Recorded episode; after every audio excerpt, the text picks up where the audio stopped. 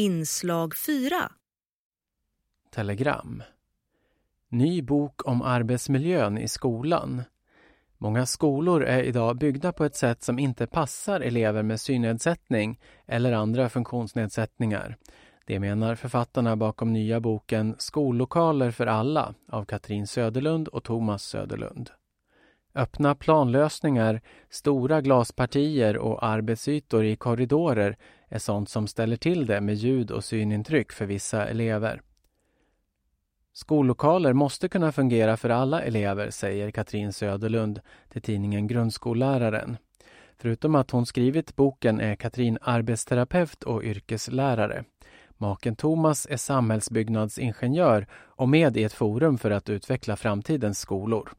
Enligt deras bok har den planerade arbetsytan i skolan minskat från 15 kvadratmeter per elev i äldre skolor till 10 kvadratmeter i nybyggda.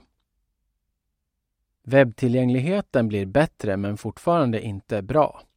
Det finns mycket kvar att göra men tillgängligheten på olika hemsidor tycks bli bättre inom myndigheter och företag i offentlig förvaltning.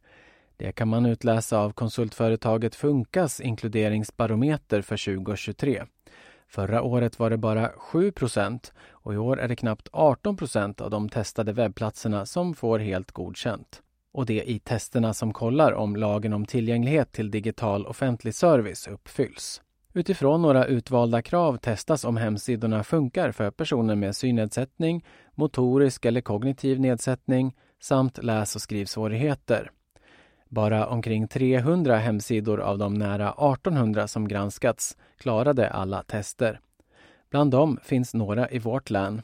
Exempelvis får Upplandsbro kommun, Nacka Energi, Huge Bostäder i Huddinge, Danderyds sjukhus och Kungliga biblioteket högsta betyg i barometern för tillgänglighet på sina hemsidor. Nya byggregler riskerar att försämra tillgängligheten. Det här skriver representanter för DHR, Hörselskadades riksförbund och Funktionsrätt Sverige i en debattartikel på sajten alltinget.se. Nästa år ska kraven på nybyggda lokaler och bostäder förenklas enligt förslag från Boverket. Men enligt artikelförfattarna försvinner också konkreta anvisningar om till exempel mått som kan leda till att det blir svårare för människor att ta sig fram eller använda lokalerna, särskilt med en funktionsnedsättning. Dessutom har regeringen gett ett särskilt uppdrag till Boverket kring studentbostäder som handlar om att minska tillgänglighetskraven och skydd mot buller. De uttalade syftena är att minska kostnaderna och nu varnar alltså flera remissinstanser för att det kan bli sämre för hälsan att bo i nybyggen, skriver artikelförfattarna från de tre funktionshinderorganisationerna. Miljonstöd till delaktighet i vården.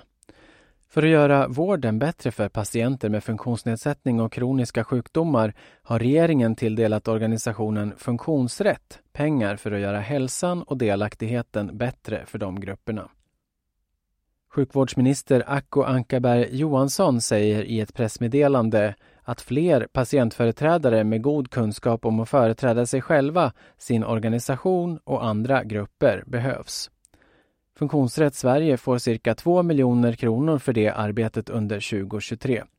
De pengarna går bland annat till att utveckla och sprida patientföreträdarutbildningen och fortbilda Funktionsrätt Sveriges representanter med representationsuppdrag i olika myndigheter.